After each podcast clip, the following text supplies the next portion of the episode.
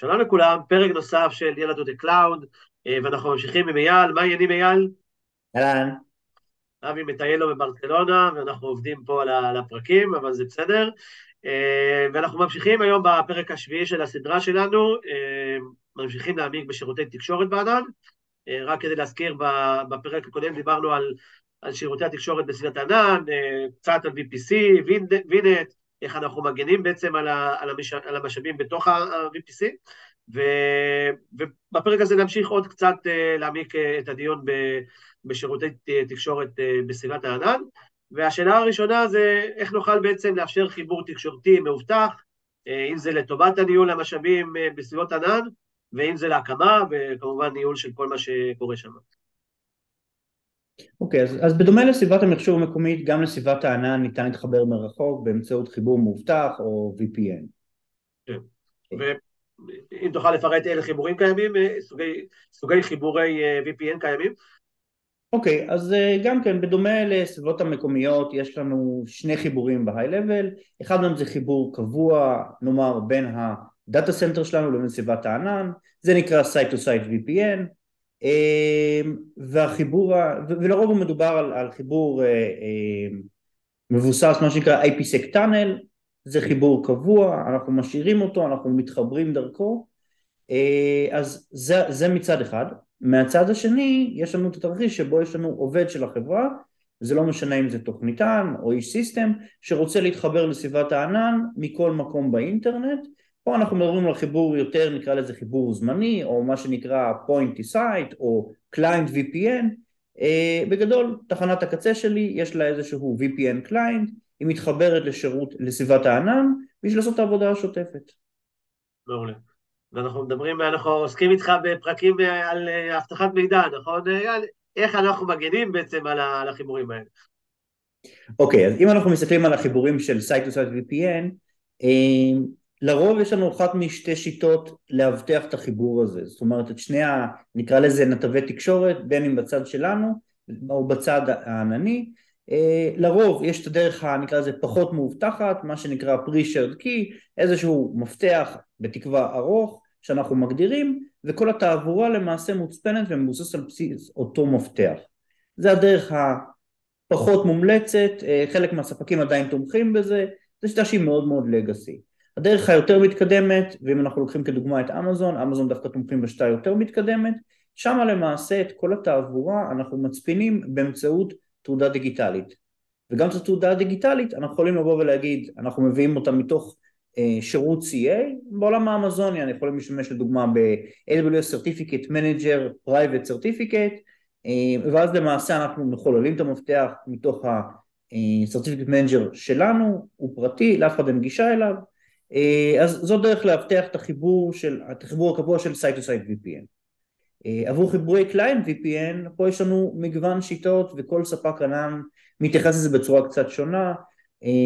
זה יכול להיות נאמר חיבור בעולם האמזוני שבו אני מזהה את המשתמש על בסיס אה, Active Directory או על בסיס שירות כמו אה, אה, AWS Directory Services.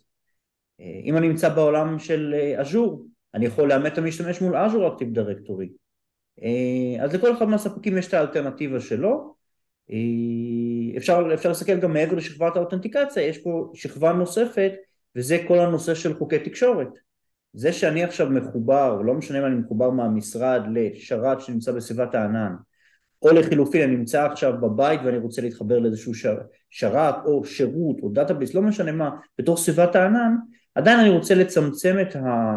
נקרא לזה משטח התקיפה למינימום ההכרחי.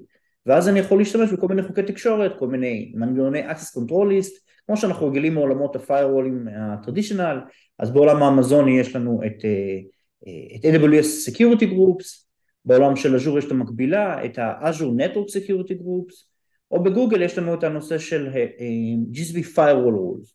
אותו רעיון, אני למעשה מגדיר חוקי תקשורת, מי יכול לגשת למשאב, מאיזה כתובת ובאיזה פורט. מעולה. ויאללה, הקמנו, אה, סידרנו, הבטחנו, איך, איך בסוף אני רואה מה קורה בפנים, איך אנחנו מנטרים בעצם את הפעילות הזו, כדי לזהות אה, אולי, לא יודע, פעילויות חריגות, אה, נתקע, משהו קורה שם. אוקיי, okay, אז בכל אחד מספקי הענן יש אה, שירות ניטור, אם אנחנו נסתכל בעולם האמזוני, אז לאמזון יש את ה-Cloud Trail, שלמעשה יכול לבוא ולנטר פעילות משתמשים ולתעד אותה באיזשהו לוג מרכזי. אחר כך את הלוג המרכזי, מכיוון שיש סיכוי שיש לנו הרבה מאוד לוגים של הרבה מאוד פעילויות שקורות, אז אנחנו יכולים לשלוח את זה לאיזשהו שירות משלים. דוגמה בעולם האמזוני, יש לנו את אמזון גארד דיוטי.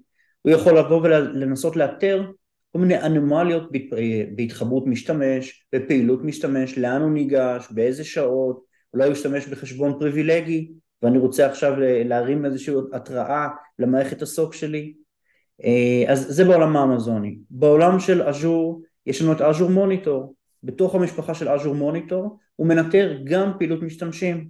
ואז אם יש לי עכשיו כמות גדולה של לוגים של פעילות משתמשים, גם את הכמות הגדולה הזאת של הלוגים אני יכול לשלוח הלאה לשירות כמו מייקרוסופט סנטינל, לצורך תחקור עתידי, לצורך פעילות אה, שבו צוות הסוק שלי יכול לעבור על הלוגים, לנסות לאתר פעילויות אה, חריגות, לנסות להגיב להם, אולי אני רוצה לנעול את המשתמש, אולי אני רוצה להבין למה הוא ניסה להתחבר מספר רב של פעמים ונכשל, אולי יש לו בעיית סיסמה, אולי יש לו איזושהי בעיה אחרת, אז כל פעילות האנומליה הזאת שאנחנו רוצים לנטר אותה בצורה שוטפת, כי זה עוד נקודת כניסה לרשת הארגונית, גם אם היא נמצאת ספציפית בענן.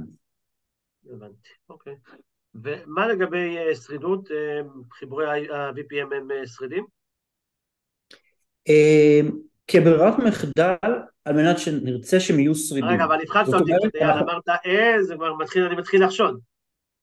אז התשובה היא שכברירת מחדל, אמנם הצד הענני נמצא איזשהו שירות, נקרא לזה VPN Gateway, שירות מנוהל עם יכולת של scale בהתאם לעומסים. הצד שלנו, אנחנו צריכים לייצר את השרידות. זאת אומרת, בין אם אני עכשיו מגדיר עכשיו מה-firewall הארגוני שלי או מה-VPN Gateway הארגוני שלי מספר חיבורי VPN במקביל לאותו שירות VPN Gateway, זה יכול להיות Azure VPN, זה יכול להיות AWS VPN uh, Cloud Hub, או זה יכול להיות Cloud VPN, זה הכל שירותים שבצד הענני הם שרידים, הם תומכים במספר חיבורי VPN במקביל, ואז אם חיבור VPN הראשי שלי נופל, יש איזשהו חיבור גיבוי שאני יכול להמשיך להתחבר לרשת הארגונית. הכל רלוונטי לעולמות של Site to Site VPN כי החיבור של משתמש בודד שמתחבר לרשת הוא בכל מקרה הוא חיבור נקרא לזה ספורדי או אקראי, השרידות פה היא טיפה פחות מהותית, שוב הצד הענני הוא עדיין שריד.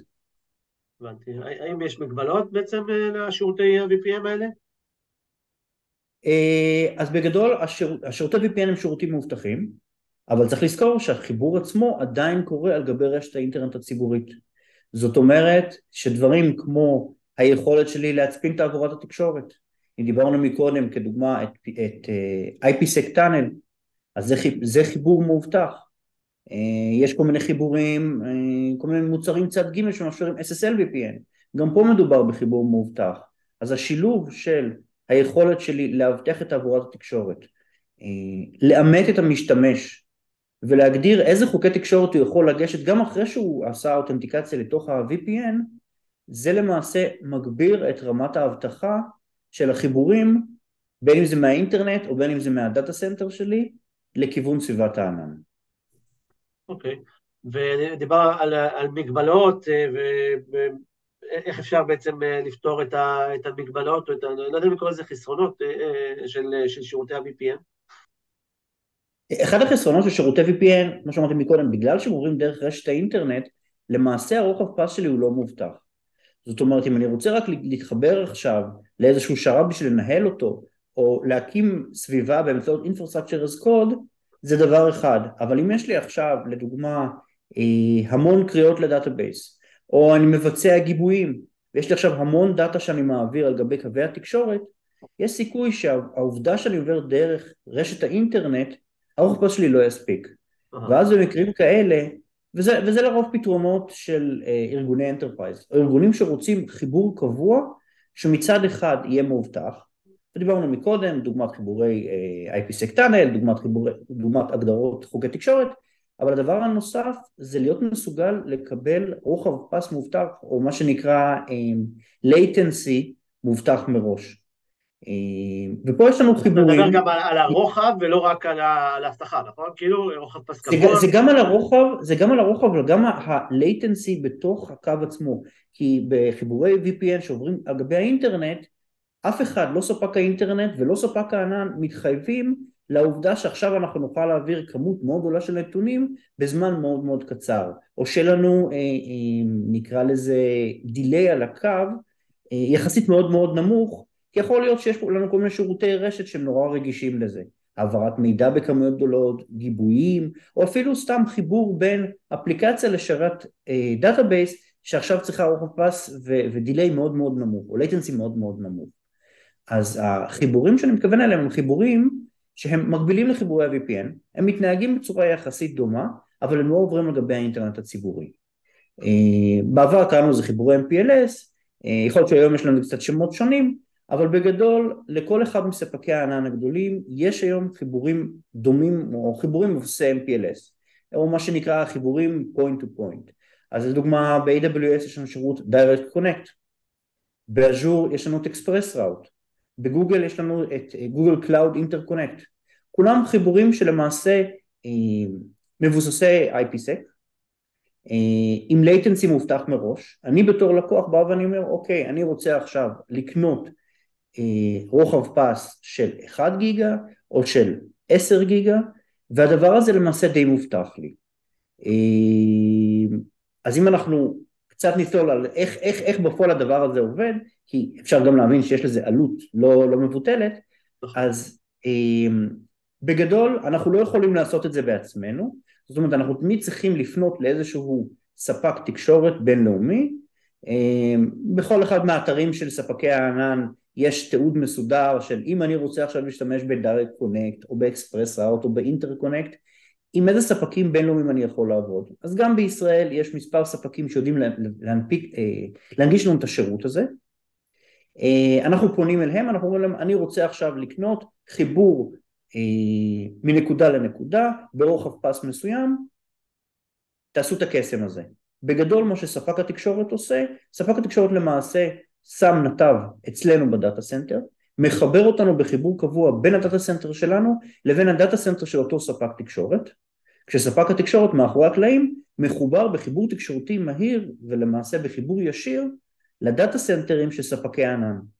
ואז למעשה אני מקבל גם את הרוחב פס וגם אה, חיבור תקשורתי שלא עובר לגבי, על גבי רשת האינטרנט. כך שעקרונית, אם מחר בבוקר תהיה איזושהי תקלה בקווי אינטרנט או באחד מספקי האינטרנט בדרך ביני לבין הענן, למעשה אני מקבל איזשהו אה, נתיב עוקף אינטרנט שמאפשר לי חיבור ישיר ומהיר ל-data center של ספקי הענן. מעולה. ולרוב, אני, אני עוד פעם, אני מלווה היום אה, ארגונים גדולים, גם בממשלה, גם בצבא, ו...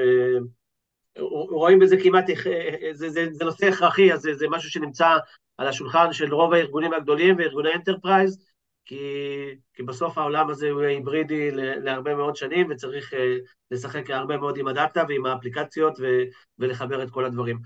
אה, עולה לך עוד משהו, אייל, ש, שאולי פספסנו בנושא הזה? אני, אני חושב שדיברנו על זה גם בפרקים הראשונים, אני תמיד אומר, הנושא של מיגרציה לענן, הענן מבחינתנו זה עוד תוספת, עוד extension של ה-data center שלנו. אז אם היום יש לי, נאמר, שני data centerים בארץ, ואני מקיים ביניהם שרידות, אני, אני צריך להבין שה-data center בענן, או אולי מספר עננים, בסופו של דבר זה עוד data centerים שלי, ואני רוצה את החיבור המהיר הזה בין אם מהמשרד או בין אם מה-data center ישירות לענן.